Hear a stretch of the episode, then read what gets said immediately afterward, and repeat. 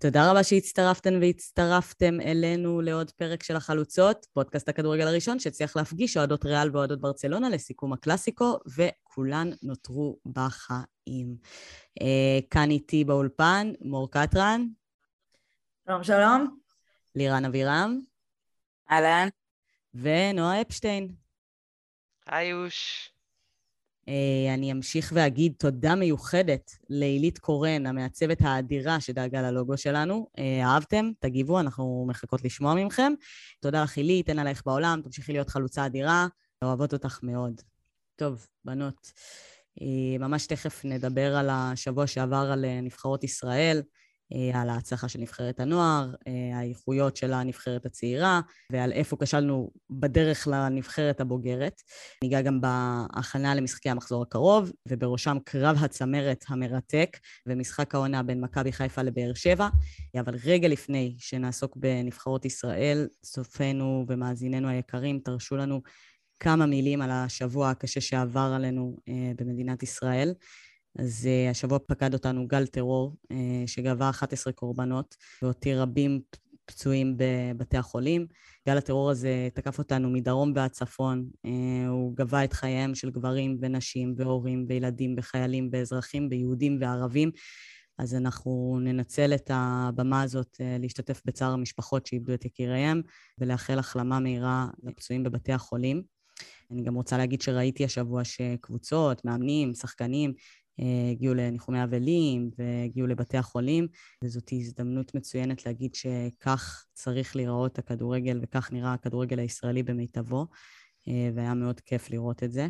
ואני רק אאחל שהסכסוך אה, ארוך השנים שמוביל לאלימות ורצח ייפתר, כמו הכמעט מכות בין זהבי לדבור. פשוט בדיבור קליל בחדר ההלבשה, אה, תמונה נחמדה באינסטגרם של מנור סולומון, אה, ושוב כולנו אחים. זהו, אז עד אז נמשיך לקוות שהכדורגל שלנו יהווה דוגמה לדו-קיום, כבוד הדדי וערכי ספורטיביות וחברות שגדולים מדת, גזע או מין. ובנושא הזה, אה, יש לנו פה את נועה מורה לאזרחות, שתשמח לשתף אותנו בכמה תובנות בנושא. אשמח לשמוע. טוב, אני לא יודעת אם תובנות כמו שאלות ודברים שחשבתי עליהם באמת זה לא בפעם הראשונה, לא רק בשבוע האחרון, אבל השבוע האחרון העלה את זה יותר, אה, שוב למודעות אולי. כל השאלה הזאת, שאפשר להתווכח עליה הרבה, אה, האם אנחנו רוצים לערבב פוליטיקה בספורט או לא, ואני שנייה אסביר אה, על מה אני, על מה אני מדברת. לא יודעת אם שמתם לב או לא, התעמקתי בנושא די הרבה בשבוע האחרון, ובדקתי וחפרתי. מבחינת ערבוב של אה, ספורטאים אה, מהמגזר הערבי בתוך הספורט הישראלי, כדורגל הוא הספורט העיקרי, שלא לומר היחידי, שאנחנו בכלל רואים את הערבוב הזה. כדורסל הוא ספורט, ענף מאוד לא פופולרי בקרב אה, המגזר, וספורט אולימפי, מכל מיני סיבות שלא ניכנס אליהם עכשיו, תקציבים, קשיים וכן הלאה, אנחנו לא, אנחנו בדקתי את זה בכל ההיסטוריה שמדינת ישראל השתתפה באולימפיאדות, שני ספורטאים ערבים בלבד. ככה שאנחנו רואים את החיכוך הזה בעיקר בכדורגל, ואם שמתם או לא שמתם לב, אנחנו רואים את החיכוך הזה בעיקר בנבחרת ולא במועדונים. לדוגמה, כמעט כל מועדון גדול בארץ, היה לו עכשיו, ויש לו בעבר, שחקנים אה, ערבים מאוד מאוד אהובים. אם זה אבו פאני במכבי חיפה, ואם זה רמזי ספורי בהפועל באר שבע, ואם נסתכל רגע על שחקני עבר, אה, ווליד בדיר, הפועל תל אביב, מהראן ראדי, מכבי תל אביב, הפועל באר שבע, נג'ואן גרייב, הפועל חיפה. אמ, שחקנים מאוד מאוד אהובים שלא היה שום אה, דילמה איתם בקבוצות שלהם, ואיך שהם הגיעו לנבחרת, ואני לא מדברת כרגע על שחקנים מסכנין, ששם המורכבות היא עוד פחות גדולה בקבוצה עצמה, ואיך שהם מגיעים לנבחרת, אה, נהיה קושי כי נהיית מתיחות. והמתיחות הזאת מגיעה כתוצאה מהשילוב והערבוב הזה. Uh, המתיחות הזאת, דרך אגב, אם, אם יורשה לי, ואני מבטיחה לו לעשות נאום ארוך, uh, קיימת לא רק אצל הספורטאים, קיימת אצלנו באופן כללי, קיימת אצלנו במדינה, קיימת אצלנו במוסדות, קיימת אצלנו בבתי ספר, קיימת אצלנו בכל מקום. Uh, ואז נשאלת השאלה, האם אנחנו מכניסים את המתיחות הזאת לתוך הספורט או לא? לפעמים זה בלתי נמנע. בעבר, no, אבל, דרך אגב... אבל אני, אני, אני רוצה לשאול אותך, כשאת מדברת על מתיחות, את מדברת על מתיחות בין השחקנים, או שאת מדברת על מתיחות בין בעצם השחקנים הערבים לבין הסמל שהם צריכים לייצג? אני אגיד, אני, אני דבר ראשון דיבר, גם וגם, אבל דבר ראשון דיברתי על השחקנים, כי שחקן הוא אדם, לפני שהוא שחקן הוא אדם, והוא מביא את האג'נדות שלו והאידיאולוגיות שלו, אם הוא רוצה או לא רוצה, הוא מביא אותם לכל מקום שהוא הולך, את המשפחה שלו, את ההיסטוריה שלו. אמ, וגם לפעמים, למרות שהספורט אמור להיות מפלט, אני חושבת, לדברים האלה, ובאמת רואים את זה במועדונים, כשמגיעים לנבחרת, המתיחות עולה גם בגלל שלשחקנים מהמגזר הערבי, בינם לבין עצמם, נהיית מתיחות בינם לבין עצמם במה הסמל אומר עבורם, מה הדגל אומר עבורם, מה הנבחרת אומרת עבורם. ואז כתוצאה מזה, נכון, ואז כתוצאה מזה נהיית מתיחות בין השחקנים היהודים לשחקנים הערבים, שלשחקנים היהודים מאוד ברור מה הסמל, מה, מה ההמנון, מה הדגל אומר עבורם. אבל משפט אחרון בעניין הזה, ותכף תגידו מה אתם חושבות, אני לא, אני לא מביעה כאן דעה, כי זה באמת מורכבות שאפשר להגיד עליה אלפי דברים לכאן או לכאן, ו, ואני מנסה להבין האם אני חושבת שהיא צריכה להיות חלק מהספורט או לא.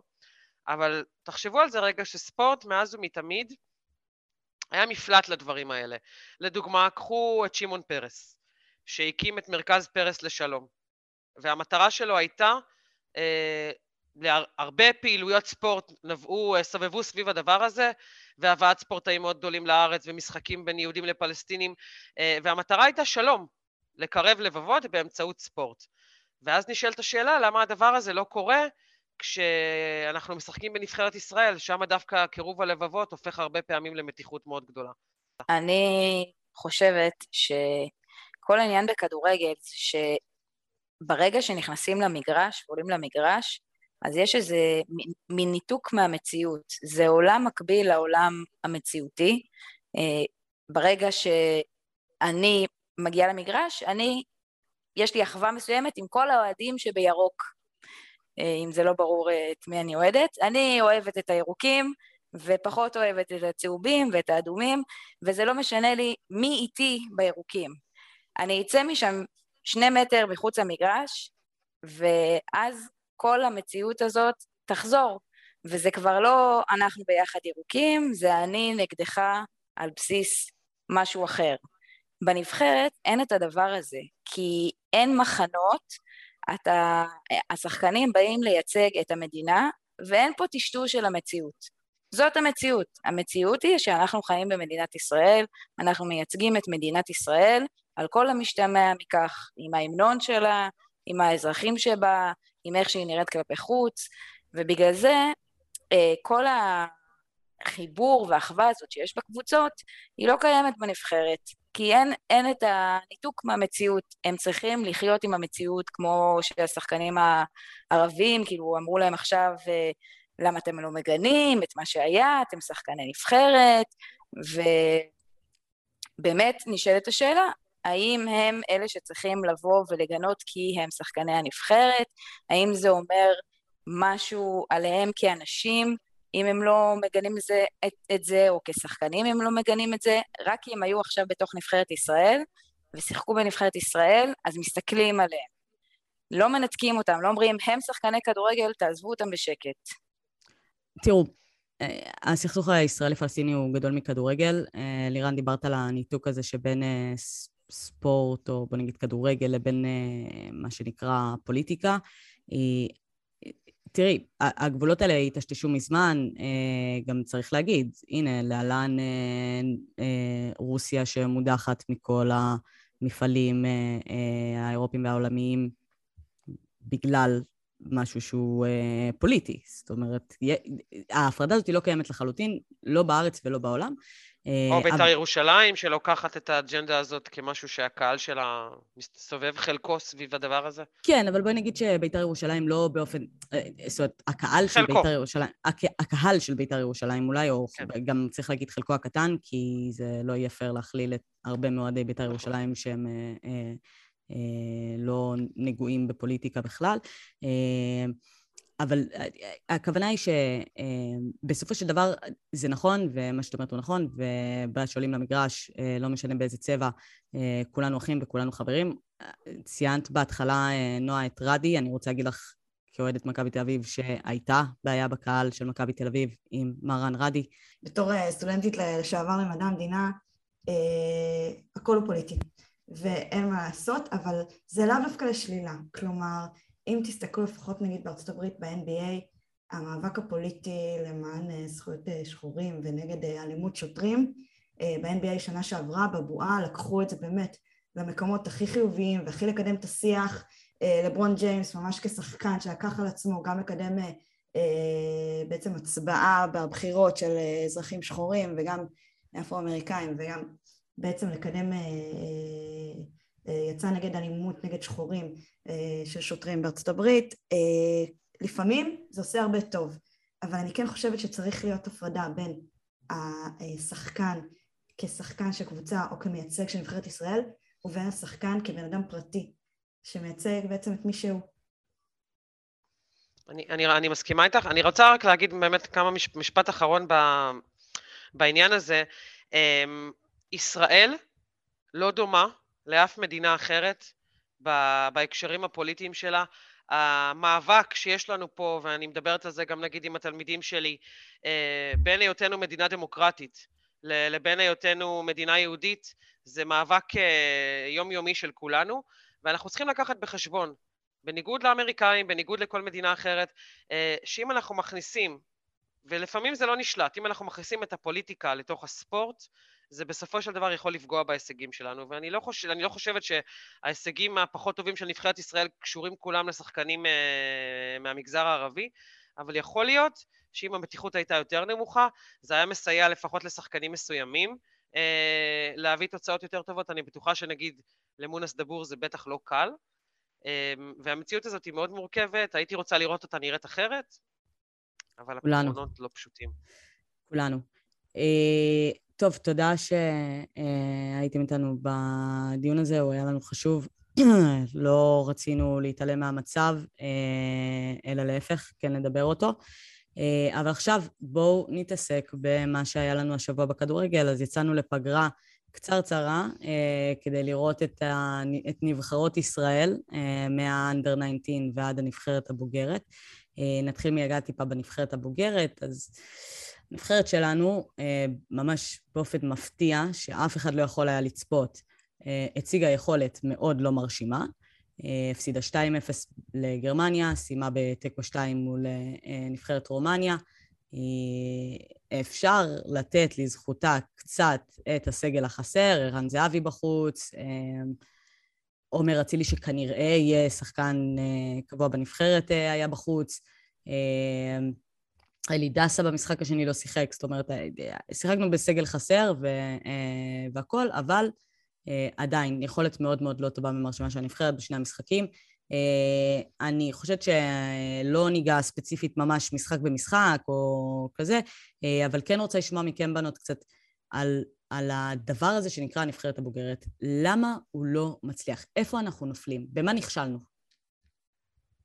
אני חושבת ש... צריך פודקאסט שלם בשביל הדבר הזה. כן, אני מסכימה עם נועה, אבל אני כן אגיד ש... בואי נגיד, מצאו זמן לא טוב ל... בואי נגיד מריבות ו... ואי הסכמות לגבי מאמן. כי נבחרת ישראל היא נבחרת שמראש מתחילה במקום הרבה יותר נמוך בנבחרות הבוגרות. וההזדמנות שלנו זה, ואין הרבה ימי אימון, צריך לדבר על זה.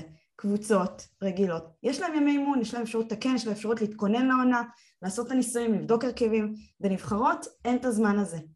ואין לנו שחקנים מוכשרים כמו בנבחרות אחרות שיכולים לעשות את ההתאמות.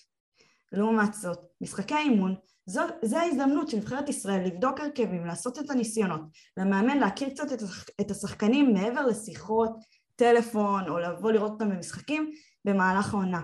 ואני חושבת שמה שקרה עם סיטואציית המאמן, מה שקרה עם המינוי המאוחר של בניון, גרם לכך ששני משחקי אימון האלה, במקום לנצל אותם בשביל הכנה, כי אגב כבר לא קוראים להם משחקי אימון, קוראים להם משחקי הכנה, כי זה מה שהם אמורים להיות. ולמעשה שני משחקי הכנה שהיו השבוע היו חסרי משמעות. זה לא ההרכב, זה לא המאמן שככל נראה יעמוד על הקווים, אז למעשה ביוני הקרוב אנחנו מתחילים ללא הכנה, ודי מההתחלה. אני מסכימה איתך, מור, אבל אני אוסיף ואומר בכלל, לגבי כל ההתנהלות. אה, אחר כך, אה, בהמשך אולי נשווה את זה גם קצת לספורט אולימפי. אה, ההתנהלות של כל גוף ישראלי שצריך לנהל ספורטאים מנהלת, נבחרת, ועד אולימפי, היא לא טובה בהתנהלות הכוללת. שימו לב שספורטאים שמגיעים להישגים, ספורטאים אולימפיים נגיד, שמגיעים להישגים, ממה שיצא לי לראות, להבחין, מגיעים להישגים בעיקר uh, כתוצאה ממאמן אישי שהם לקחו, בהשקעה אישית שלהם בקריירה, uh, במוטיבציה עצמית ובעבודה עצמית שלהם, uh, ופחות בהתערבבות שלהם, אולי חוץ מנבחרת הג'ודו, ופחות בהתערבבות שלהם בתוך איזשהו משהו ניהולי. ונבחרת ישראל בכדורגל לא שונה. הניהול של הדבר הזה, ואנחנו אומרים את זה מהיום שהמדינה קמה ועד עכשיו, פשוט לא טוב. אין דרך, אין מתווה, אין ראש שמנהל את הדבר הזה באופן קבוע. אה, אני אין חושבת, אני חושבת שום שהבעיה, בשר. הבעיה בזה ש... במה שאת אומרת, אה, בעניין הקביעות, היא זה שנבחרת ישראל מאז ומעולם מנסה להציג, להשיג הצלחות מיידיות. זאת אומרת, אה, יש פחות עניין של לפתח דרך. כל ראש התאחדות רוצה את ההצלחה אצלו. הוא רוצה להיות ראש ההתאחדות. אבל אין, אין הצלחות מיידיות בספורט. ואין אין חשיבה לטווח ארוך. נכון. יש פוקסים, אבל זה לא הצלחות מיידיות. אני אישית חושבת שבאמת מסכימה איתכם לגבי אה, עניין התשתיות אה, והרמה שאליה השחקנים שלנו מגיעים, הרמה המקצועית, אבל אני חושבת שיש בזה עוד עניין, וזה באמת רמת הקבוצתיות של הנבחרת. דיברנו על זה, על קבוצות, על למה הן לא מצליחות, כי הן לא מספיק קבוצה, אז אני חושבת שהנבחרת שלנו היא לא מספיק קבוצה, גם בגלל הסיבות הפוליטיות, אבל גם סיבות אחרות. אנחנו רואות כל הזמן שנכנסים נושאים שונים ומגוונים, אה, וגם השחקנים שמשחקים, זה נראה כאילו זה קצת אה, כמו תחרות כישרונות צעירים כזה. בואו, אני אבוא, אני אתן משחק טוב לנבחרת, ואולי יגלו אותי, ויהיה איזה אה, סקאוט שראה אותי, וייתן לי חוזה בקבוצה בחו"ל. זה לא כל כך נראה כאילו יש פה נבחרת שמשחקת, זה נראה, אה, ואני שלחתי לכם השבוע את הציטוט של אה, תומאס מולר, שהוא אמר, בגרמניה אנחנו לא מאמינים בסופרסטארים, אנחנו אה, מלמדים אותנו מגיל צעיר שאתה לא יכול לזרוח לבד, צריך לשחק כקבוצה, ולכן אתם גם לא תראו הרבה שחקנים גרמנים שזוכים בכדור הזהב. אז בנבחרת ישראל זה באמת הפוך לגמרי.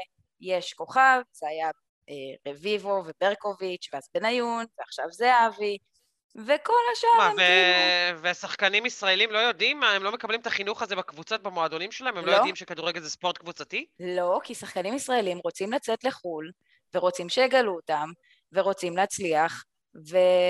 לשחקנים ישראלים, אה, להבדיל משחקנים בהרבה ליגות אחרות, אה, זאת אומרת, להבדיל משחקני גרמניה, או... אה, עזבו, גרמניה זה נניח דוגמה קיצונית. עזבו גרמניה, צפון מקדוניה לא רוצים שיראו אותם? אלבניה לא רוצים, רוצים שיראו אותם? רוצים, רוצים מאוד. אבל כן, ההצלחה של צפון מקדוניה היא, היא כבירה, והיא, אגב, אפשר לגעת בהרבה סיבות ל... כן, ל... אבל גם בסוף, בסוף גם הם נשארו רק עם המחמאות, בואו לא נשכח את זה. בסדר, אנחנו גם את המחמאות לא מקבלים. למה? היו ש... כבר קמפיינים שכן. נכון.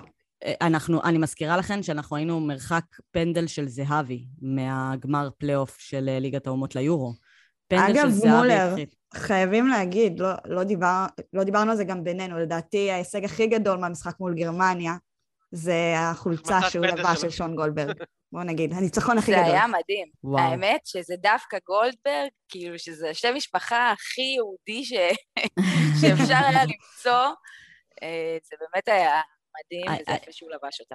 הייתה פה הזדמנות הירואית של נבחרת ישראל לנצח על אדמת גרמניה, לעשות איזה... למרות שבטוח כבר היה כזה, אה, אבל אה, כן, אכזבה מנבחרת ישראל, סגל לא מספיק עמוק.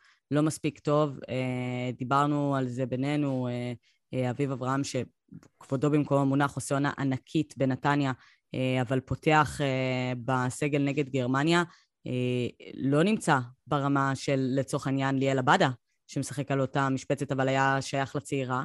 זה לא התאים, כי גם לא נוסו או לא שולבו השחקנים הנכונים. לצורך העניין, במקום אברהם, אני חושבת שהיה יותר נכון לפתוח עם קניקובסקי או חזיזה, לצורך העניין. או יונתן כהן, יונתן כהן נכנס אה, האחרונות. יונתן כהן לא שיחק, לא, לא משחק. אז לא אני מבינה את ההחלטה נכון, הזאת. נכון, גם דור פרץ אבל לא שחקן פעיל אה, היום. נכון, וראו חלודה, ראו חלודה גם על סולומון במשחק הראשון. יכול להיות. ראו חלודה ועדיין הם היו ברמה מאוד גבוהה יחסית לשחקני ליגת העל, שאני חייבת להגיד שגם אבו פאני למשל, שבמכבי חיפה... וואו. הוא באמת עושה דברים נפלאים. וואו, הוא עמד מול גרמניה. גרמניה. הוא עמד מול גרמניה, מול שחקנים גרמנים, והיה פיזי בטירוף, ושם שם הגוף, וראו כמה הוא מתאים לרמות האלה. כמה יש לו נחישות גם, דווקא, כמה הוא נחוש. בדיוק מה שבאתי להגיד זה שאני חולקת על זה. אני חושבת שהוא היה פיזי, אבל הוא פתאום הבין שמה שיש לו בארץ זה פשוט בדיחה, ולא תחרות לעומת מה שמחכה לו באירופה, ובאמת שיש לו, יש לו את הפוטנציאל, והוא פיזי והוא לוחם, אבל הם חטפו ממנו כדורים כמו חמאה, דברים שלא קורים בישראל. אבל הוא חייב להעלות את הרמה, בין אם זה חייב. לשחק יותר מהר, בין אם זה לשחק יותר חכם. הרבה עיבודי שם... כדור. כן, לכל חוליית הקישור, התקפה, ההגנה, הרבה מאוד עיבודי כדור, מנור סולומון עם אה, כמות עיבודי כדור שאני חושבת שהוא לא חווה לאמצע. בכל הקריירה הקצרה שיש לו. ועיבודי כדור לאמצע, ואני חושבת שגם סן בנחם היה במשחק קצת חלש. חלש, לא שיחק לא משחק במכבי חיפה. ובנות, גם שמישהי תגיד לי... אגב, גם לא הבנתי למה דוד זאדה לא פתח. דוד זאדה, זה שהוא לא פתח, לא שיחק בכלל, זה גם נורא נורא מוזר. הוא שיחק במשחק השני. נכון.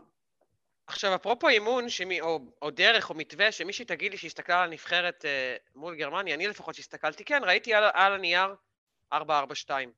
מישהי ראתה מערך על, על המגרש? לא. מערך אה... שנראה משהו קבוע? לא. הגנתית כן ראו את זה.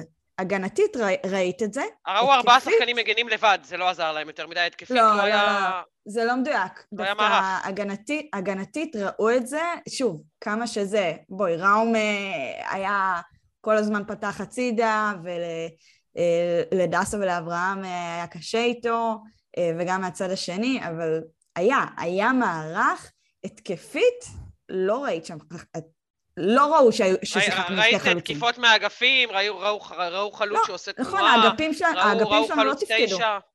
האגפים ו... דווקא דין דוד, דין דוד שנכנס עשה הרבה תנועה. טובה. אני מסכימה, לא דין דוד, אה, דין דוד היה מצוין כשהוא נכנס, יונתן כהן היה מצוין כשהוא נכנס. הוא לא קיבל כדורים כי לא היה מערך שהנחה אותו לקבל כדורים. אני גם חושבת שגלאזר אה, נכנס, נתן קצת יותר יציבות אה, באמצע, עצר כדורים, עצר התקפות. לגמרי. נתן את מה שדור פרץ היה אמור לתת ולא הצליח לתת, כי הוא לא בכושר משחק מספיק טוב. גם מנור סולומון, שהוא אחד השחקנים הכי דומיננטיים בנבחרת שלנו היום, כשהוא לא בכושר משחק, אז אנחנו בבעיה. אבל העניין לא היה להתעסק ספציפית במשחקים, אלא באמת לדבר שנייה על, ה, אה, אה, על המשהו יותר גדול. אה, הסגל שהגיע למשחקי הידידות הוא לא הסגל של נבחרת ישראל שהולך לשחק ביוני. אני מאמינה ששחקני הנבחרת הצעירה יהיו בו, זאת אומרת, ליאל עבאדה אני מאמינה שיגיע ביוני, יכול להיות שגם דניאל פרץ, על אף באמת הצגה פנומנלית של אופיר מרציאנו. שבאמת השתיק את כל המבקרים, מה שנקרא. לגמרי. ובאמת, אני, אני רוצה לגעת פה בזה ששמעת, הייתה הרבה ביקורת על מרקו בלבול ועל הגישה הזאת של אה, לקחת את אה, דניאל פרץ וכמה צעירה צריכה כרגע אה, זה ו- ו- ולהגיע ו- והם במאני טיים וזה רק משחקי ידידות. ושמעתי את הרעיון שלו אה, בפודיום והוא אמר שמה ש...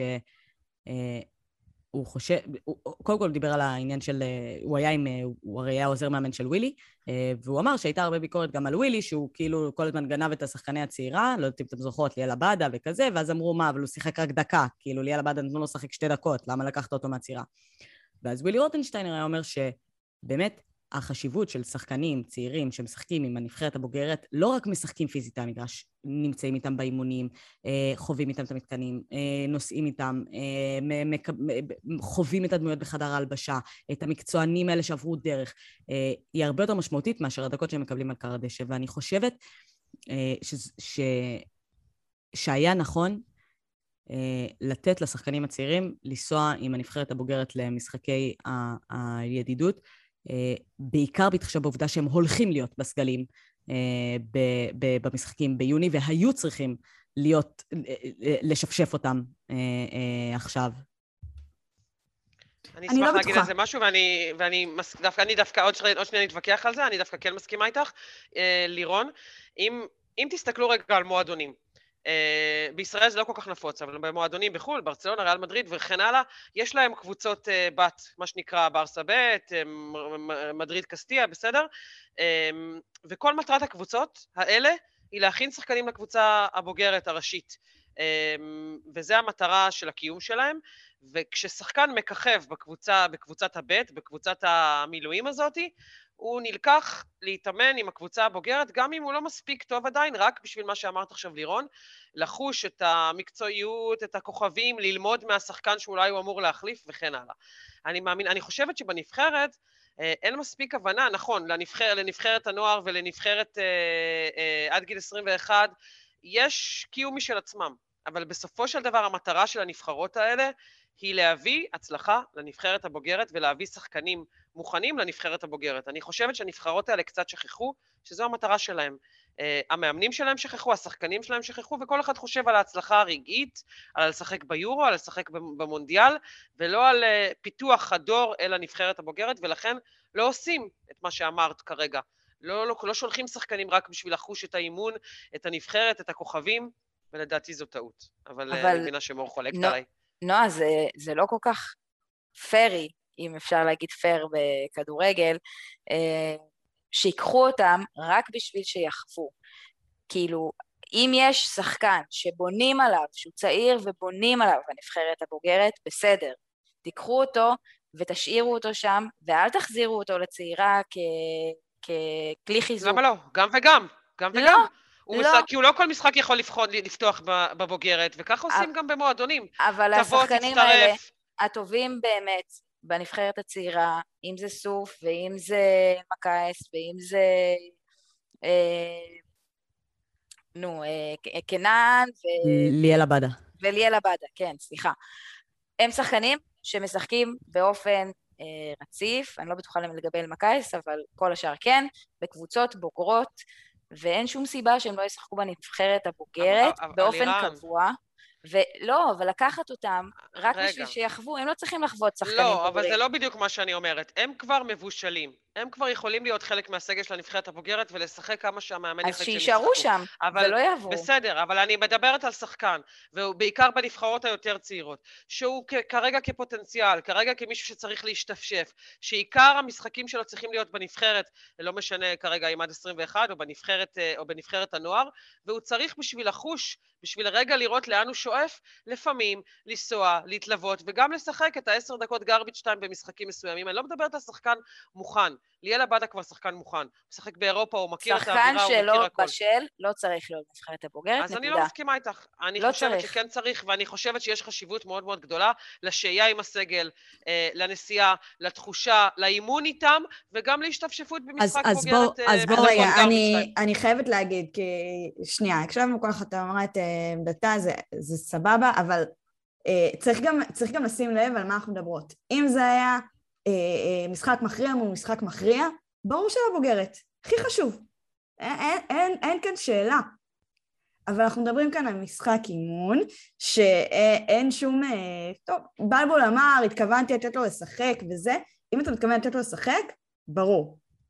אתה לא מתכוון לתת לו לשחק, אני חושבת שספציפית במשחקים האלה שהם שלבי הכרעה, צריך כאן קצת להתחשב, כי הכמה ימים האלה אה, הם לא מה שיעשו את ההבדל. עקרונית, מסכימה, יש חשיבות ללהיות יחד איתם, להתאמן יחד איתם בעצימות הרבה יותר גבוהה, יש חשיבות להיות איתם במלון לפני, יש חשיבות להיות במגרש, לשבת על הספסל במהלך משחק נבחרת, יש חשיבות ואני מסכימה עם כל מה שאתם אומרות. כרגע, בשני המשחקים הספציפיים שהיו, אני חושבת שדניאל פרץ היה צריך להיות עם הנבחרת הצעירה, ו... ולו בשביל שנגלה מחדש את מרציאנו. מסכימה איתך, מסכימה איתך. אז בגלל זה אני אומרת שזה צריך להיות לדעתי שילוב, ושחקן צריך להיות, יכול להיות מסוגל לשחק, גם בנבחרת הבוגרת בסיטואציות שבהן אפשר לשלב אותו, וגם בנבחרת שממנה הוא מגיע כשצריך אותו, ויש רגע, רגעי מפתח חשובים עד שהוא עושה את המעבר הסופי. אני, המעבר אני, הסופי אני לא חייב להיות בבום. אני אסכים, אני אסכים עם לירן שאני חושבת שזאת דרך על חזור, זאת אומרת אם שחקן מוכן הוא מוכן ואם לא אז לא, אבל רגע, לתיאוריה שאמרתם, רוצה לשאול אותך עכשיו, נועה, באמת. אה, אמרת לי על עבדה, שחקן מוכן, נכון? צריך לשחק, כן. צריך לשחק עם הנבחרת הבוגרת? כן. אוסקר גלוך. כן. אוסקר גלוך אי אפשר... הוא עוד צעיר קצת, אני... אני אבל הנה, עכשיו אמר, ברצלונה, גיל 17, גיל 18. אז אני אומרת, אני עונה. ליאל עבד השחקן מוכן יכול לעלות לנבחרת הבוגרת בעיניי, וכרגע הוא משרת את הנבחרת הצעירה רק כי היא צריכה אותו לדעתי יותר מאשר הוא צריך אותה. בסדר? אני מאמינה שהוא כבר מוכן להשתלב בנבחרת הבוגרת ולתרום לה.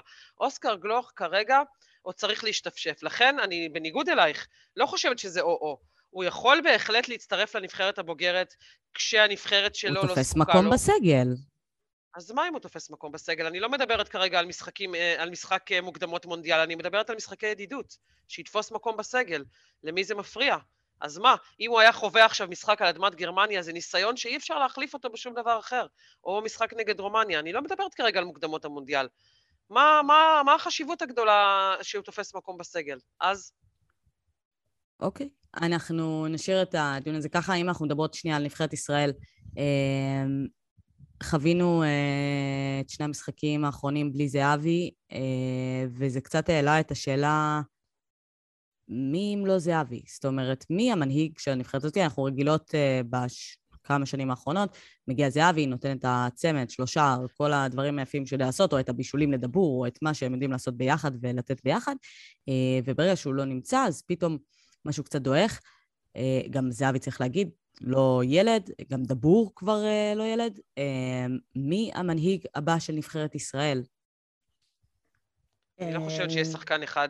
אני חושבת שכמו שמסי עזב את ברצלונה והיה צריך להחליף אותו בכמה שחקנים או בקבוצה שלמה, אולי סוף סוף נבחרת ישראל תהיה נבחרת, וישחקו קבוצתי, ואז אולי מונס דבור, יחד עם uh, שחקנים נוספים סביבו, יחד עם מנור סולומון, uh, יחד עם אלי דסה, יחד עם אבו פאני, יכולים אולי להרכיב חבורה של מנהיגים. אני לא רואה מישהו אחד. אני חושבת שקודם כל אני רוצה להמשיך את נועה ו- ולהסכים, יש כאן דור חדש, צעיר של הנבחרת ששווה לתת לו את המושכות ודווקא אולי אה, עצם זה שזהבי לא יהיה כדי אה, להציל את המולדת, מה שנקרא במרכאות, אה, ייתן להם הזדמנות קצת יותר ביטחון. אה, אני חושבת שזה שזהבי לא היה במשחק ספציפית מול רומניה, עשה רק טוב לדבור, כי לדעתי עד עכשיו הוא לא באמת נתן את הטון בנבחרת, והיה לו מה לתת והיה לו מה להצדיק. הוא קיבל הרבה מאוד הזדמנויות ולא לא סיפק את הסחורה עד כה, אז uh, אני כן שמחה בשבילו שהוא הבקיע צמד, uh, הוא היה צריך להראות את עצמו. ואני רוצה להמשיך את הנקודה, אה, קצת לפתוח על אלי דסה, שקיבל בקמפיין הנוכחי, בעצם משחקי הכנה, את סרט הקפטן, עשה התקדמות מדהימה בשנתיים האחרונות בהולנד בויטסה, גם מקצועית, גם בהולנד הוא משמש ממש כמנהיג, גם בחדר ההלבשה, אה, ואי אפשר להתעלם גם מהרקע שלו. דיברנו הרבה בתחילת התוכנית אה, על המאפיינים הפוליטיים של המצב בו אנחנו נמצאים. אה, אלי דסה מדובר בקפטן נבחרת ישראל הראשון שהוא ישראלי יוצא העדה האתיופית, שזה מאוד מאוד משמעותי. זו עדה שמשרתת 90 ומשהו אחוזים בצה"ל, מאוד מאוד תורמת למדינה, באחוזים מאוד מאוד נמוכים, אבל כן מאוד מאוד שותפים, אזרחים תורמים, שזה, שאלי דסה מהווה מודל. בתור מישהי שעבדה בעמותת אחריי שלוש שנים, עבדה הרבה עם נוער יוצא אתיופיה, אני יכולה להגיד לכם שמודלים לחיקוי זה לא משהו שיש שם הרבה. ואלי דסה מהווה אחד כזה, אז אני ממש ממש שמחה שהוא קיבל את סרט הקפטן, אני מאמינה שהוא ראוי. אני רוצה לשאול אתכם, אבל uh, דיברנו על העניין הזה, באמת, שאלתי אתכם קצת על זה, אבל אוקיי, הלך זהבי, אתם אומרות לא מנהיג אחד, אלא קבוצה, לבנות קבוצה, כמו שקורה עכשיו בברצלונה אה, וכו'. האם אתן חושבות שאם אנחנו בונות היום קבוצה מוכשרת של ותיקים וצעירים, אה, עם הכישרון של סולומון ועבדה באגפים, ו- ודבור ווייסמן בחוד, ודסה עם הכישרון והניסיון, ובאמת אפשר, אה, שחקנים מדהימים יש לנבחרת הזאת, מבוגרים וצעירים, האם לא צריך על הקווים סמל? איזה סמל? סמל שיודע לאמן. לא מספיק סמל. סמל... ראובן עטר לא עשה טוב כל כך כמאמן. זה צריך להיות סמל מוכשר, שידע להוציא מהשחקנים כמה אני, שיותר, אני, שידע אני לנהל. אגו. להפך, אני דווקא חושבת שלא אה, צריך סמל. כי צריך מנהל מקצועי אמיתי. כזה צריך מנהל מקצועי, צריך מישהו שמבין כדורגל, ולא רק, צריך מישהו שלא בא ממקום של מכיר את, מפחד ממקושר לו, ושיש לו איזה שהם פחדים או איזה שהם אה, אה, מניעים אה, שהם פחות קשרים. צריך לבוא מישהו, דוגמת, אה, לא יודעת, נילסן, שהביא לפה את כפיר אדרי, שאף אחד בכלל לא דמיין שיכול להיות חלוץ, ועד שהוא נפצע היו לו שני משחקים מדהימים, אני לא יודעת אם אתם זוכרות. אני באמת חושבת שצריך לבוא, להגיע לכאן מאמן זר, כי כיום אין מאמן ישראלי עם הכישורים שהוא נטול פניות ובאמת יתעלם מכל האלמנטים דיברתן, ומכל העבר פה. דיברתן על, על צפון מקדוניה, צפון מקדוניה יש מאמן, והוא התחיל עם הנבחרת הצעירה שלהם, שבזמנו עלתה ליורו, והיום כמעט מגיע איתה עם הנבחרת הבוגרת למונדיאל. מישהו מהמערכת, מישהו שהתחיל בילדים, ב... בסדר, גם, גם בנבחרת סנגל יש מאמן שהיה שחקן uh, כוכב בסנגל, ולקח איתם עכשיו את אליפות אפריקה. האם חזן כרגע... לא. אלון חזן יכול לאמן כרגע את הנבחרת הבוגרת? אני לא חושבת. מאמן טוב. לא יודעת, הייתי... מאמן לא, טוב, יכול להיות מאמן מצוין. אני חושב שהוא מאמן טוב. יכול להיות מאמן מצוין. האם יש לו מספיק ניסיון? האם, אה, האם הוא יוכל להתמודד עם התקשורת בארץ? האם השחקנים ייתנו לו מספיק כבוד? הוא יוכל להתמודד עם האגו של זהבי? האם, האם בתום העונה הזאת את אה, יכולה נניח לקחת לנבחרת את בן עילם? גם לא, לדעתי, טוב, עדיין לא. לא מוכן. בן עילם כבודו במקומו מונח, אבל, אבל עדיין לא. זה, הוא מסיים עונה אוקיי. ראשונה, בקושי עונה ראשונה כמאמן, בכיר. אבוקסיס? לא. כל מאמן... לפי המקצועות שלו בביתר ובני יהודה, גם, לדעתי הוא לא מוכן. רן בן שמעון? זה לא שהוא לא מוכן, היחיד שאם כבר מוכן, זה בכר. היחיד. אבל הוא לא ירצה, ואני חושבת שזו טעות אם הוא יעשה את זה לקריירה שלו. נכון. אני מסכימה, ואני חייבת להגיד שבשנים האחרונות, אני יודעת שאומרים שהנבחרת זה החלום של כל מאמן, נבחרת ישראל בשנים האחרונות, חוץ מגרנט... זה נקודת הנפילה. כן, בית קברות למאמנים. חוץ מאברהם גרנט, שמשם איכשהו הגיע לצ'לסי, השם יודע איך, בית קברות למאמנים. זה גם נכון, אני מאמנים... לא, לא הייתי לוקחת במקום ברק בכר את התפקיד הזה. זה גם מאמנים אה, פחות טובים שהגיעו, זה לא רק בית קברות למאמנים, זה מאמנים שהם לא באמת ברמה של אה, נבחרת. אברהם גרנט אה, הגיע בזמן השיא שלו, אלי גוטמן לא. הגיע בזמן השיא שלו, דרור קשטן, אלה מאמנים שבזמנו היו טובים. כן, אבל עדיין, זה לא מספיק. זה לא מספיק, הם לא היו מספיק טובים בשביל הרמה הזאת, גם אם היו בשיא שלהם, אברהם גרנט הוא שונה. כל השאר שהגיעו אחריו, לא היו מספיק טובים, מבחינת הישראלים אני מדברת, אני חושבת שדווקא רוטשטיינר עשה פה, עשה פה עבודה די טובה, רוטנשטיינר, אה, ובאמת אני חושבת שצריך לצאת פה, יש פה איזושהי, אה, וזו תהיה מילה קשה עכשיו, יש פה איזה מסחרה כזאת, איזה עסקנות בתוך הכדורגל הישראלי. לא, אני, מילה קשה, זה, זה מציאות, זו מילה מצ... נרדפת. כן, אבל אני לא באה, לא, אני רוצה לתת ביקורת, אבל uh, לא להכות, מה שנקרא. אני חושבת שיש פה בעיה, זה אפילו מגיע מהרמות של זה שמי שרוצה להיות פה מאמן צריך להיות רשום בהתאחדות שלוש שנים כשחקן פעיל. זה אומר שאין פה מקום למאמנים חכמים, מוכשרים, מעניינים, שמבינים עניין, שמגיעים מחוץ לכדורגל. זה אומר שכל מאמן שהיה, שיש פה בארץ, אלא אם כן הוא חיכה שנתיים ברשימת המתנה כלשהי, הוא מגיע מתוך עולם הכדורגל. הוא מגיע עם הקשרים שלו, עם החברים שלו, ואחר כך אתן מבקשות שמאמנים יהיו פה לא עסקנים, ו... ושלא ייקחו החלטות ש... שהן אה, לא קשורות אליהם באיזושהי צורה, זה לא יקרה. יש פה בעיה עמוקה בכדורגל הישראלי. בק... כן, אבל מדברים על מאמנים ישראלים, יש פה בעיה קשה בכדורגל הישראלי מבחינת מאמנים, גם בתוך הקבוצות, בטח ברמת הנבחרת, אין פה שום אה, אובייקטיביות. ש... אני חושבת שהמאמנים הטובים באמת, אה, כדוגמת ברק בכר, הם אלו שמצליחים להתעלות מעל הדבר הזה, זאת אומרת, אלו שמצליחים לנהל סגל ולעשות דברים אה, שהם מעל ה... אנחנו אומרים, אומרים המאמנים הטובים באמת, יש אחד. כן, בסופו של דבר, הגדולה של ברק בכר, דיברנו על זה בפרק הקודם, הרי הוא קיבל גם את הפועל באר שבע פחות או יותר עם אותו סגל שחקנים. הוא הביא וואקמה, אולי, אני לא בטוחה, אבל קיבל את אותו סגל שחקנים. מה הוא יודע לעשות? לנהל סגל. מה מאמן נבחרת צריך לעשות? הרי הוא לא בונה שם איזושהי תוכנית משחק, הוא לא עובד מול שחקנים במשך עונה שלמה. הוא צריך לדעת לנהל אותם בזמנים קצרים, לשמור אותם על אשכרה, שהם לא יתעצבנו, שלא יעשו סצנות ושיביאו את ה-A-game שלהם בזמן קצר במשחקי ההכרעה. הוא צריך לדעת לקחת משחקן 150 אחוז באותו מצב שהוא נמצא. הוא צריך לדעת לזהות מתי שחקנים טובים, מתי לא טובים. את מי הוא מזמן, את מי הוא לא מזמן. יש כאן הרבה בחר. עניין פוליטי, והוא צריך להיות נטול פניות, ולדעתי, רק מאמן זר היום במציאות הישראלית יכול לעשות את זה. ומור, הוא צריך גם לקבל גיבוי.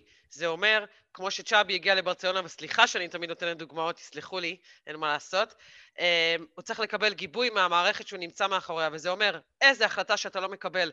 גם אם אתה מדיח עכשיו את השחקן המשמעותי ביותר עד כה בנבחרת ושולח אותו הביתה, יש לך גיבוי מאיתנו כי אתה איש המקצוע ואתה מקבל החלטות. אין את זה לאף מאמן בנבחרת, ובגלל זה לדעתי גם שחקנים לא מכבדים את המאמן, כי הם יודעים שבסופו של דבר מישהו יבוא ויהפוך את ההחלטה שלו. הגיע הזמן שזה יפסיק. נכון לגמרי. אני לגמרי מסכימה איתך לגבי הגיבוי. אני כן רוצה האמת לגעת בנקודה שלא הספקנו לגעת בה עדיין לגבי הנבחרת. אמ, אמרנו על זה ש, שיש תחושה שלא מתקדמים וכולי. אני הרגשתי במשחק מול גרמניה שמבחינה הגנתית הלכנו אחורה. ממש אה, אחורה. כן. אם בעבר, אה, אה, לא יודעת אם אתם זוכרות, היה לנו שחקן הגנה, בלם, ששיחק בצ'לסי, טל בן חיים. טל בן חיים. והייתה תחושה שגדל כאן דור של בלמים. במשחקים האחרונים, לפחות במשחק מול גרמניה, שיחקו שני בלמים, שהם כיום לדעתי הבלמים הישראלים הכי טובים שקיימים, גולדברג וביטון, ששניהם במקור לא בלמים בכלל. נכון. נכון. אה, איפה היו... רק, רק יליד דסה אולי מרים את רמת ההגנה הזאת. אבו עביד שיחק, הוא שיחק מגן ימני כשהוא נכנס ברומניה, כן, הוא החליף את קנדיל. החליף את קנדיל, כן. שבמשחק השני לא היה טוב, גם הוא לא רואה משחק, לא רואה דקות במכבי תל אביב, והיה לא טוב. הוא גם קיבל ביקורת מקרסטייץ', זאת אומרת, אה, קרסטייץ', כשדיברו איתו אחרי המשחק של מכבי על הזימונים של הנבחרת, אז אה, הוא אמר, אני, אני מכיר מנבחרת סרביה שמי שמשחק מקבל זימון. כאילו, זאת אומרת, הוא, הייתה לו איזושהי ביקורת גם מהעניין הזה שהם נכון. מקבלים זימונים משחק. אה, גם היום במסיבת עיתונאים של מכבי תל אביב לקראת נתניה, הוא ביקר את זה שמתן בלטקסה לא קיבל דקות בנבחרת ישראל, על אף שהוא היה צריך לקבל. בכל מקרה, אה, נעטוף את הנושא הזה רגע ונרד לנבחרות הצעירות, כי בעצם בתכלס הכל מתחיל שמה, אה, מתחיל ואולי נגמר. אה, לא ואולי, מתחיל ונגמר, לחלוטין. זאת אומרת, שם אנחנו, זה הכי גבוה שאנחנו מצליחים להגיע.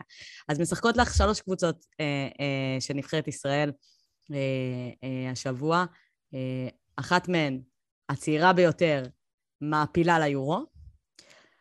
הטיפה יותר בוגרת ממנה מעפילה לפלייאוף היורו, והבוגרת ביותר מהן לא מדגדגת את קצות האצבעות של איזשהו מפעל בכמה שנים האחרונות? מ-1970? מתי היינו? כן. כמה שנים האחרונות, כן, מ-1970. אבל נגיד מקסיקו 70, כולנו יודעים את זה. כן. נכון. אז, אה, אז, אז מה, מה, מה קורה שם? מה, מה, מה יש בנבחרת אה, ישראל אנדר 19 שאין בנבחרת ישראל הבוגרת. אז uh, סיימנו עם הדיון על ההגנה של נבחרת ישראל הבוגרת. אני חייבת uh, להגיד שכשאני צפיתי במשחקים של הנבחרות הצעירות, אני לא ראיתי הבדל. אני חושבת שהחוזק שלהן הוא בהתקפה, בדיוק כמו הנבחרת הבוגרת. אה, אני חושבת שיש שם אה, הרבה נאיביות בחלק האחורי, ואני לא רואה איזושהי בשורה מבחינה הגנתית, גם הנבחרות הצעירות, כך שמבחינתי ההצלחה של הנבחרות הצעירות זה גם באמת שחקנים מאוד מאוד מאוד מוכשרים באמצע ובא, והחלוצים אה, בשתי הנבחרות הצעירות, ו... זה, אז גם התקפה באמת מאוד טובה, אבל גם בעיקר היריבות. היריבות שהן ברמה פחות טובה, גם אם זה שמות גדולים, כי בסוף, אה, ואנחנו, אני מניח, נרחיב על זה עכשיו, זה שחקנים שהם בשלים, שהם טובים, מתאימים לנבחרת הבוגרת, מגיעים לנבחרת הבוגרת בנבחרת אה, ספרד משחק אה, פדרי, משחק גבי, הם לא משחקים בצעירה. אה, הם בפה שלקח את, ה, את המונדיאל בגיל 18-19, הם לא מחכים לגיל 20, גיל 22. אני גם רוצה להוסיף משהו. אני חושבת שההצלחה של הנבחרות הצעירות יותר, בסופו של דבר הצלחה בנבחרת בעיניי, כמו שאמרתם מקודם, תלויה בזה ששחקן ישחק במועדון שלו. אני חושבת שזה חשוב ששחקן יבוא בכושר משחק. אמ, עשו ניתוח על, ה, על ההרכב הפותח של הצעירה ובכלל על הסגל, כל השחקנים הם שחקנים משמעותיים בקבוצות שלהם, כולם שחקני הרכב וכולם גם שחקנים ברובם מובילים, ובטח אלה שמשחקים באירופה, ולכן הם מגיעים גם בכושר טוב לנבחרת הצעירה. אה, בנבחרת הבוגרת, בגלל שאין לנו מספיק אפשרויות, ובגלל שהרבה מאוד פעמים רוצים את השמות הגדולים, שלא תמיד משחקים, בטח ובטח אם הם באירופה, דור פרץ שפחות משחק, ושחקנים ש... ויונתן כהן שהיה פצוע, ומנור סולומון שחזר מאוקראינה, כל השחקנים האלה פתחו. הם לא בכושר, הם לא בכושר משחק. חלקם, עזבו שחלקם בכלל גם לא משחקים בקבוצות שלהם, ולכן גם כאן יש בעיה ביחס לנבחרת הצעירה, אבל זה לא רק הבעיה. מה שלירן אמרה זה עוד בעיה מאוד משמעותית. אני מאוד מסכימה, אני גם חושבת שלירן דיברה על עניין הקבוצתיות, ואני מרגישה שגם בנבחרת הנוער, גם בנבחרת הצעירה, יש הרבה יותר דגש על זה, יש הרבה פחות אגו. אה, הם לא מרגישים, הם אולי מרגישים כשיש קצת סקאוטים וזה, אבל זה הרבה פחות מסוכר, אין מה לעשות. הם, הם, הם הרבה יותר אנונימיים, הם משחקים בעיקר בליגה הישראלית, אם בכלל ליגת הנוער. אה, חלקם בנבחרת הצעירה כן, משחק, כן שחקנים קבועים בליגת העל, אבל עדיין יש כאן הרבה פחות עניין של כלפי חוץ והרבה יותר כלפי פנים, אה, וגם הייתה להם מטרה ברורה. לשניהם, אלה, בעצם לשתי הנבחרות, גם נבחרת הנוער וגם הנבחרת הצעירה, ראינו בשבוע האחרון משחקי הכרעה. ואין מה לעשות, זה אומר שכל השחקנים הכי בכירים היו שם. לא היו שום היעדרויות, היה לנבחרת צעירה לפחות גם היה תגבור משחקנים שצריכים לדעתי לשחק בנבחרת הבוגרת, ו- ולדעתי גם שם אה, היה הבדל, אבל לדעתי זה הכל, אה, הכל קשור לקבוצתיות שהרבה יותר קיימת שם. טוב, בנות, אי אפשר לדבר על אה, נבחרות ישראל בלי להסתכל קצת על הישראלים המצליחים שלנו בעולם, שהם לאו דווקא קשורים לכדורגל. אה, השבוע פרשה לנו אחת כזאתי, אה, אחת מהמופלאות, שלקחה מדליה בטוקיו ושינתה לגמרי את ענף ההתעמלות האמנותית בארץ, לינוי אשרם. ותופים, כן. כן. מה יש לנו להגיד ללינוי אה, אשרם מפה, מפודקאסט החלוצות, אנחנו רוצות למסור לך ש... אני אתחיל, או בנות, אתן רוצות למסור משהו, ואז אני אגיד את המניפסט הקצר שלי. אז אני אתחיל ואני, ואני אתן לך uh, להמשיך אחר כך לירן. Uh, אני חושבת שהיא מדהימה, אני חושבת שאחרי כל אולימפיאדה, בדרך כלל בג'ודו, רואים עלייה מאוד מאוד גבוהה, ב... כי בדרך כלל הג'ודו הם אלה שלוקחים מדליות. מי שלא יודע, גם מי שמפסיד בג'ודו מקבל מדליה, זה כאילו מין קטע כזה. אז אחר כך זוכרים את, אה, את הג'ודו, ויש אה, כל ארבע שנים מין פיק מטורף באנשים שבאים, אה, שמתחילים את ג'ודו. גם אני התחלתי לפני מיליון שנה, ובגלל זה אני יודעת את זה. אבל באמת, אחרי לינוי האשרם, דור חדש של מלא בנות, ואני מקווה שגם בנים מתחילים ומבינים וקצת מכירים את הספורט הזה שנקרא התעמלות אמנותית. אני חושבת שעשתה שירות מדהים אה, לספורט הזה ולספורט הנשים באופן כללי, וגם למדינת ישראל, לאחדות שלנו. מדובר בספורטאית מדהימה, אה, שגרמה לי ולחברות שלי לצרוח באמצע החופשה בצפון, ולהידבק לטלוויזיה במקום לטייל בחוץ. אז כל הכבוד לה. אירן. אז אה, כן, אני גם רוצה להודות לה, באמת, על ההשראה. אין הרבה כמוה שאנחנו רואות בכלל, גם בין הגברים וגם בין הנשים, רמת אה, מקצוענות כזאת, ובאמת, כל הכבוד לה, מורידה בפניה את הכובע, אני חושבת שהיא פרשה ככה בשיא הסטייל, עם הרוסיות שנשארו ירוקות מקינה מאחור ופתחו נגדנו. המלחמה המוקדמת יותר הייתה בעקבות המדליה הזאת. עוד יאשימו אותנו. עוד יאשימו אותנו שחיממנו אותם.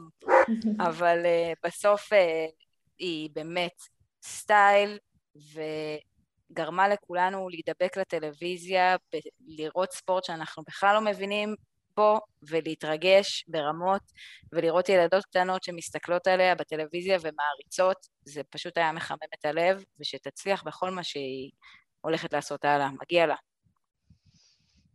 נכון. אני רוצה להודות לה באמצעות uh, קצת uh, מידע שנספר למאזינים שלנו, אם הם יודעים או לא יודעים, קצת כמה פרטי טריוויה קטנים עליה. דבר ראשון, אני רק רוצה להוסיף, מור, הדרך לא התחילה ממנה. Uh, לינוי אשרם היא השם המוכר ביותר של ההתעמלות האומנותית, אבל נטע ריבקין הייתה מתעמלת לא פחות מצליחה ממנה.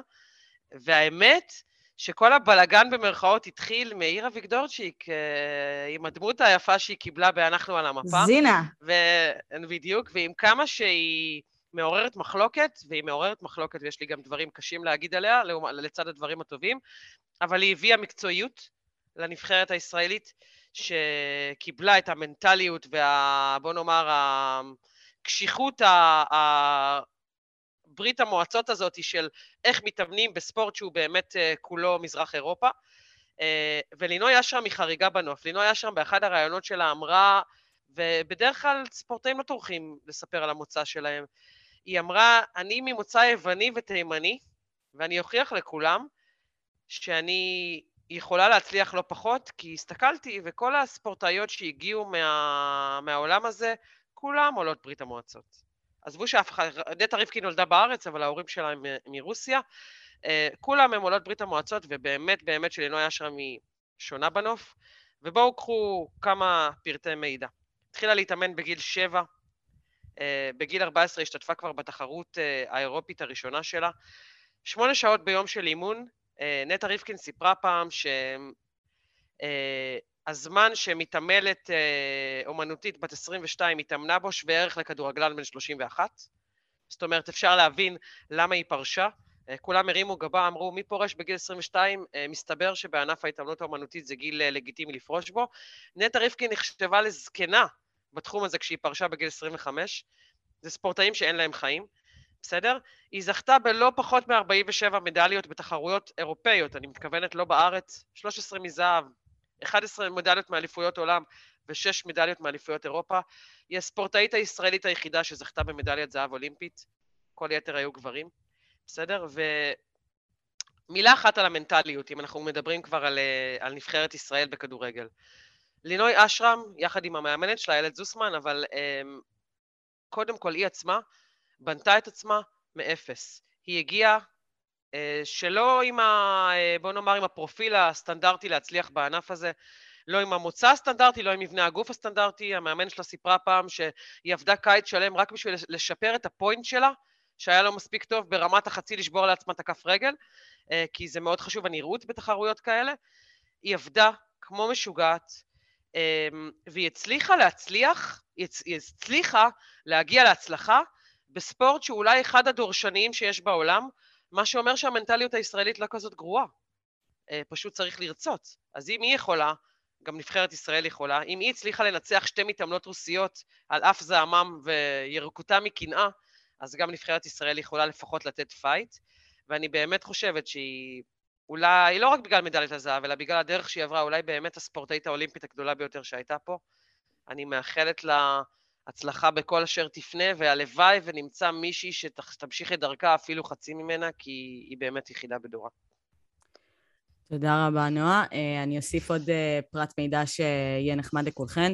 אה, רגע הזכייה של לינוי אשרם במדליית הזהב הוא הרגע הנצפה ביותר בספורט חמש אי פעם. עם האחוז הרייטינג הגבוה ביותר אי פעם בספורט 5, ומדובר על ערוץ שמשדר קלאסיקו, ומשדר משחקי עונה, אה, ומשדר... יורמונדיאלים. גמר היורוליג. וגמר היורוליג. ולדעתי זה היה ביום שבת. ביום בוא, שבת בוא בבוקר. יום שבת בבוקר, 11 כן. בבוקר. יום שבת, שיש ציבור שלם שלא צופה. מדהים. אני עמדתי ו... בחוץ וצעקתי, בחוץ, ברחוב, אין ראויה, בטלפון. אין ראויה כמוה, אין ראויה כמוה להחזיק, אה, להוביל את השיא הזה, בוא נקרא לזה ככה. חד משמעית. אז תודה רבה לך, לינוי אשרם. אני אציין אה, גם את אה, ניקול זליקמן, אה, שהייתה שותפתה למסע הזה והגיעה למקום השביעי, וגם עשתה דרך מדהימה. שפרשה גם היא לפני כמה חודשים. שפרשה גם היא לפני כמה חודשים. נכון, יחד איתה בפברואר, כן. לינוי פרשה שבוע, אבל כן, היא יחד איתה, הייתה איתה באותו מחזור, מה שנקרא. אז תודה רבה לך, לינוי, על כל מה שהבאת. תודה רבה לך, ניקול.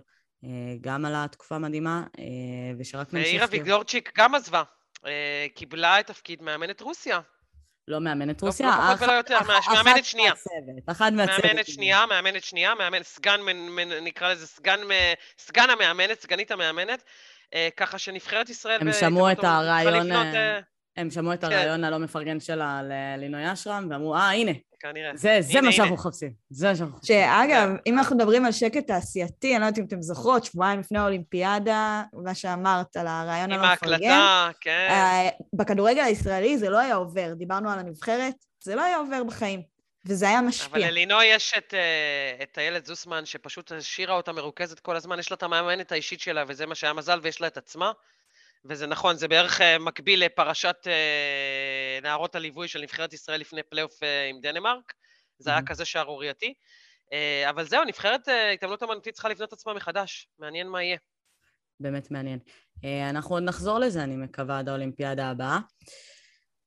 טוב, הגענו לחלק אה, הכי מעניין, התחזית.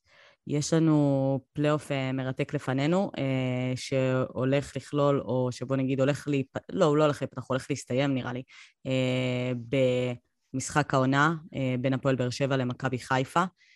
שתי קבוצות שמגיעות אחרי ניצחון, שמתמודדות על האליפות. יש כאן, בוא נגיד, הרבה על, הכף, בגלל שכל תוצאה פה משנה למישהו. אם מכבי חיפה מנצחת, היא פותחת את הפער בפסגה וכמעט מבטיחה את האליפות. אם הפועל באר שבע מנצחת, היא כמעט, כמעט, נוג... נ... אה, היא תהיה במרחק נקודה לדעתי ממכבי חיפה. כן. אה, ו... אה, ו- ולגמרי תהפוך את המרוץ הזה לאפילו יותר צמוד. ואם הן יצאו בתיקו, ומכבי תל אביב תצליח לנצח את נתניה, אה, אז בעצם יחזור מאבק האליפות המשולש. אה, אז כל תוצאה פה משפיעה על המאבק הבאמת הירואי שיש לנו בפלייאוף העליון הזה. אה, בואו נתחיל מלדבר קצת על אה, מכבי חיפה, איך מכבי חיפה מגיעה לפלייאוף הזה, לפלייאוף, למשחק הזה. אז אני חושבת שמכבי חיפה מגיעה אחרי תקופה לא פשוטה, הרבה תוצאות קשות, משחקים שהיו לא פשוטים, מפתיעים. אני חושבת שהמשחק הזה הרבה תלוי בברק בכר ואיך הוא ינהל את ה... איך הוא יכין את הקבוצה מבחינה מנטלית, גם מבחינה טקטית. Uh, יש לו הרבה משקל. זה באמת, ברור שבסוף הכל זה ברגליים של השחקנים, וביכולת שלהם, וביכולת שהם הציגו, ובמוטיבציה. אה, אני חושבת שמוטיבציה, אבל לא יהיה קשה להשיג פה, בכל זאת זה משחק מאוד מאוד חשוב, וזה כן יגיע, ברק בכר אפקט, הוא צריך להגיע ביום שני. אמרנו, ברק בכר הוא מאמן לרגעים האלה, וזה הרגע. זה הרגע שבו הוא יימדד, ואת רק דיברת על המשחק הזה, ואני התחלתי להזיע, ועלה לי פה הלחץ דם, אז אני לא, לא רוצה לדעת איך אה, הם מרגישים, באמת, זה משחק אה, שיש, אה, שיש לו הרבה מאוד משמעות. נפגשים בסמי עופר, נכון? זאת אומרת, משחק ביתי. נפגשים בסמי עופר, סולד אאוט, אה, יהיה באמת משחק אה, מטורף. באר תצוגת שבע קהל מגיעה- מרשימה. כן, באר שבע מגיעה אחרי משחק אה, מאוד טוב מול מכבי נתניה, תוצאה טובה, אה, אבל עדיין אנחנו לא השתכנענו כשדיברנו על המשחק הזה בפעם האחרונה. לא, זהו. נכון. תוצאה טובה, לא משחק וואו. נכון, נכון, וזהו, אבל בואו נשאר רגע במכבי חיפה. אז נדבר על מכבי חיפה. בסוף למכבי חיפה העונה יש אה, עמוד שדרה מאוד ברור, שזה ג'וש כהן, פלניץ', אבו פאני ואלי מוחמד, ואצילי ודין דוד. זה, אלה השחקנים שלאורך כל העונה מחזיקים את מכבי חיפה אה, מעל המים, כל השאר גם טובים מאוד, אבל לא בצורה יציבה, אלה באמת העמוד שדרה היציב, והם צריכים להיות שם, והם צריכים לתת את ה... את ה-150 אחוז שלהם, וכל השאר כמובן גם חזיזה, שרי, כבר דיברנו, צריכים, צריכים לתת את שלהם. בר- ברק אה, בכר אוהב במשחקים האלה לעשות ניסויים. אני זוכרת את המשחק האחרון אה, נגד מכבי תל אביב, אני זוכרת אותו עולה עם שלושה בלמים, הוא תמיד אוהב כזה לגוון את הטקטיקה לקראת לא המשחקים יעשה לנו הגדולים. פפ גוורדיולה. זהו, אתם חושבות שהולך להיות פה איזשהו שינוי משמעותי? איך אתם רואות את, הסג... את, ה... את ההרכב של מכבי חיפה? אני דווקא חושבת שהוא יעשה חכם אם הוא יבוא עם הקבוצה שהכי, עם, הס... עם הקבוצה הכי טובה, עם השחקנים שמשחקים בעמדות שלהם בצורה הכי טובה, ואלה שנמצאים בכושר ולא שלא יתחיל אה, לעשות פה שינויים ומשחקים. אין סיבה, גם הפועל באר שבע קבוצה די צפויה, את האמת. אז מי פותח? מי פותח? אז קודם כל, מי שאמרתי, אה, כי, מן הסתם גולדברג ופלניץ', אה, כל עוד הם כשירים חייבים לשחק אה, כבלמים. אה, אלפ... ורודריגס בשמאל? רודריגז אה, הוא גאון, והוא חייב להיות על המגרש. אני לא בטוח, יכול להיות שהוא יהיה בימין, יכול להיות שבשמאל, זה לא ברור אם סן מנחם או אלפונס ישחקו, ואז זה תלוי, זה אומר אה, איפה רודריגז יהיה, בצד השני. אה, עלי מוחמד, אבו פאני, ואז השאלה, אם הוא עולה עם נטע לביא או עולה עם שרון שרי. זה נראה לי... הבדל משמעותי, הגנתי או התקפי. הבדל משמעותי מאוד, וזה, וזה באמת אה, נראה, נראה מה הוא יבחר לעשות. חזיזה, אצילי, דין דוד, חובה, אלא אם כן אחד מהם חס וחלילה פצוע, אה, אבל אה, זה, זה, זה הרכב המסתמן, אני לא רואה פה משהו אחר. אם הוא יחליט לעשות משהו שונה, אני, אני, לא, אני לא רואה את זה, באמת. לא רואה איזושהי הפתעה. אני מסכימה, עם, אה, אני מסכימה עם לירן, השאלה היחידה פה זה נטע לביא או שרי, אני חושבת ששאר ההרכב די ברור. אוקיי. מאמינה שהוא יפתח עם, עם שרי, ו...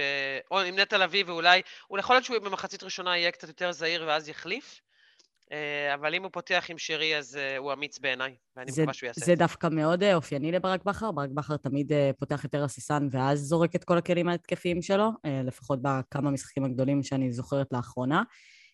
אז יכול להיות האופציה של נטע לביא, למרות שבניסוי כלים שהוא עשה עם נטע לביא זה לא כל כך עבד לו, אבל אז במשחק האחרון היה את הבישול. לא יודעת. שאלה. אה, מהצד השני אה, עומד אה, ליניב ברדה עם סגל לדעתי כמעט שלם, אני לא חושבת שיש לו שם איזה שהם חיסורים משמעותיים. שכטר פצוע. שכטר פצוע, בסדר, יש לו רוקאביצה. גם יחזקאל פצוע לדעתי עדיין, אבל יש לו את רוקאביצה. אמרנו, בש מגיע אחרי רצף של ניצחונות. אה, אבל לא מספיק משכנעת, זאת אומרת, לא מספיק דומיננטית במשחק כדי אה, אה, להיראות קבוצה שהיא מכניעה, כמו מכבי חיפה. ובכל זאת, איפה המאבקים שלנו במשחק הזה? איפה אתם חושבות שבסוף ייקבע הניצחון על המגרש? מרכז שדה כמו, כמו, כמו בכל משחק, ומכבי חיפה לוקחת את הפועל באר שבע פה בגדול. אני חושבת שנועה צודקת, אני חושבת שרק משחק באמת יוצא מגדר הרגיל שרמזי ספורי, או אולי דור מיכה אם ישחק, אני לא יודעת, יכריע כאן. אחרת מכבי חיפה ושלישיית הגרזנים שלה בקישור עם נטע לביא באמת ישחק, אה, תאכל אותם בלי מלח. זה בהנחה שבאר שבע אבל אה, לא תלחץ גבוה. אם באר שבע תלחץ גבוה ומכבי חיפה תאבד כדורים בחצי שלה וייצאו כדורים מהירים לניקיטה רוקאביצה, מכבי חיפה בבעיה. ומכבי חיפה לא יודעת להתמודד עם לחץ גבוה, טוב העונה, הם פישלו אפילו נגד אה, נוף הגליל ונגד הפועל ירושלים. לא, את לא חושבת, הרי לברק בכר היה עכשיו שבועיים. שבועיים להתאמן על לחץ גבוה. הייתה לו את כל העונה, ועדיין. כאילו, מול הפועל... אה, אבל אני אשאל את השאלה אם אליניב ברדה, מאמן מספיק מנוסה, בשביל, וגם עם מספיק זמן בהפועל באר שבע בשביל לתרגל איתם לחץ גבוה. אני גם לא יודעת אם חומר השחקנים בבאר שבע. לא יודעת אם חומר השחקנים, אני לא יודעת, רוקאביצה. לא רוקאביצה, כן. הוא שחקן שיודע ללחוץ גבוה? כן, עשה את זה במכבי חיפה, עשה את זה במכבי חיפה, גם עם בלבול. כן, כן, כן. כן רוקאביצה כן, ספורי כן. לדעתי אנחנו נראה לחץ גבוה אה, מאוד רפה. כן, בוא נקרא לזה ככה. נראה לחץ גבוה, אבל אני לא חושבת שהוא יהיה מספיק אפקטיבי, ואני לא יודעת אם אנחנו נגיע לשלב ההימורים. אם כן, אז אני... בגלל זה, בגלל זה אני חושבת שהוא דווקא לא צריך לפתוח עם נטע לביא, בגלל הלחץ הגבוה הזה, צריך שיהיה את שרי שם, שהפועל אה, באר שבע תהיה מאוד חשופה מאחור, אה, וההתקפות שלה, של מכבי חיפה יצטרכו לצאת אה, בצורה מהירה ויעילה קדימה, אז צריך את שרון שרי, למרות שהוא לא דווקא הרבה פעמים נוטה לדריבל ו- וכאלה, אבל המסירות החכמות, למרות שגם נטע לביא ראינו שהוא יודע לעשות את זה, אבל שרון שרי, בהנחה ובאר שבע יבחרו בלחץ גבוה, זה צריך להיות שרי ש... שיהיה שם. אני חושבת שאליניב ברדה היום עם ההגנה אולי הכי חזקה בליגה, אפשר להתווכח, בוא נגיד, בין ההגנות של הפועל באר שבע ומכבי חיפה, אבל שתי ההגנות שספגו הכי מעט שערים, ובאמת הגנה מאוד מאוד חזקה. אני חושבת שהוא ומליקסון, אם הם חכמים, הם יפתחו במערך כמה שיותר התקפי ויסמכו על ההגנה שלהם, היא לא רק בשביל לייצר לחץ גבוה, אלא גם באמת בשביל לסכן את השאר. מכבי חיפה הוכיחה שקבוצות שמסתגרות מולה לא מצליחות. אי אפשר להסתגר מול מכבי חיפה, יש לה כלים התקפיים טובים מדי לליגה הזאת, ובכלל, אה, יש לה כלים התקפיים אדירים, אה, ולא כדאי להסתגר מולה או לנסות אה, ללכת אחורה, או לנסות ולייצר מערכים יותר הגנתיים. הפועל באר שבע תוכל לנצח את המשחק הזה וצריכה לנצח את המשחק הזה אם היא תעלה במערך כמה שיותר התקפי, היא תעלה את ספורי עם מיכה, לא תפחד. אה, אה, לשים עשר, לא תפחד אה, לשים שני חלוצים. זאת אומרת, רק אם היא באמת תבוא להבקיע שערים, ולא רק להתגונן בסמי עופר, שזה גם משהו שיכול... זאת אומרת, בסוף כשאתה מאמן ואתה מגיע למגרש כמו סמי עופר, בטח מול קבוצה כמו מכבי חיפה, אתה יכול להגיד, אוקיי, אוקיי, אני רק לא רוצה להפסיד את, ה, את הנקודות, תנו לי לצאת מפה עם נקודה. ואני חושבת שאם הפועל באר שבע תבוא מנטלית כדי לנצח, יש לה כלים, יש לה את הכלים אה, ההתקפיים כדי לעשות את זה, אה, ובהחלט יש לה הגנה מספיק חזקה כדי כן להצליח ולהתמודד עם ההתקפיות של אה, מכבי חיפה, אבל שוב, רק בתנאי שהיא באמת באמת תתאמץ ותעשה את זה. אה, אני חושבת שעדיין, אם נגיע שנייה לפינת ההימורים, הפיבוריטית היא מכבי חיפה. אה, אני חושבת שיהיה מאוד מאוד מפתיע אם הפועל באר שבע אה, תצליח לקחת פה את הנקודות. אה, זה יהיה טוב מאוד להפועל באר שבע שתצמצם מאוד לפסגה. זה יהיה גם לא רע למכבי תל אביב, זאת אומרת, אם חיפה לא תמשיך לברוח ובעצם אה, אה, סך הנקודות שצריך עד המקום הראשון לא ילך ויגדל בשביל מכבי תל אביב, אה, זה גם יהיה לה אה, לא רע בכלל. אה, על מי אנחנו מהמרות? אני uh, לא אצטרף פה לאופטימיות uh, של באר שבע והיכולת שלה לנצח את המשחק הזה. אה, ולירן אולי תגיד שאני מנכסת אותה, אבל זה באמת מה שאני חושבת. 3-0 למכבי חיפה. וואו. יפה. זה, זה ניחוש אה, אמיץ. לירן, את מעוניינת להמר או שאת אה, לא, בעבירה של ניחוסים? אני אאמר, אני... כן, למרות שזה מנחוס, אבל אני חושבת ש... 2-1 זה למכבי חיפה זה משהו ש... שיהיה משקף. בדרך כלל המשחקים האלה בין מכבי חיפה להפועל באר שבע מביאים הרבה שערים, 3-2, 2-1, 2-2, כבר ראינו בשנים האחרונות, אז אני אלך יותר לכיוון הזה, 2-1, 3-2, משהו כזה.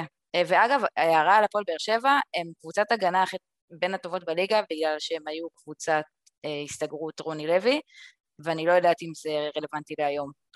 לא, אבל עדיין קבוצת הגנה, את, את עדיין מדברת על uh, בלמים מהטובים שיש בליגה, את מדברת על ויטור ועל, uh, uh, לדעתי, טיבי בדרך כלל פותח איתו, נכון? נכון. עדיין שניים מהבלמים היותר טובים שיש בליגת העל היום, ויטור לדעתי יחד עם פלניץ' שאולי הבלם הטוב ביותר בליגה. נכון. Uh, עדיין מדובר על uh, מגינים, זאת אומרת, חוליית ההגנה כאינדיבידואלים הם מצוינים גם בלי קשר לשיטת המשחק. אבל, אבל כדי, כדי לעצור את מכבי חיפה הם יצטרכו לעשות עבודת הגנה קבוצתית כללית, ולא להסתמך רק על ההגנה שלהם, uh, והם יצטרכו, כמו שאמרתי, ודיברנו על זה עכשיו, לחץ גבוה, אם הם יצליחו לעשות את זה, הם יעשו חיים מאוד מאוד קשים למכבי חיפה, אבל uh, אני עדיין חושבת שמכבי חיפה מסוגלת וצריכה לנצח. שתיים אחת. מור? מור. אמ, שלוש אחד למכבי חיפה. אני חושבת שבאר שבע, צפוי שינסו אה, אה, ללחוץ גבוה, כמו שאמרתם. אה, אני חושבת שמכבי חיפה תנצל את זה כדי לעקוץ. אני לא רואה גם את ההגנה המאוד מוכשרת שהפועל באר שבע מצליחה לעצור את אצילי. אה, שלוש אחד למכבי חיפה. אה, אוקיי, אני אפתיע ויגיד שאני מהמרת על משחק רב שערים, אה, ואני חושבת שיהיה... את תמיד מהמרת על רב שערים. זה נכון, זה נכון. אני מאמינה בכדורגל, חברות, מאמינה בכדורגל. אה, תני לנו את זה.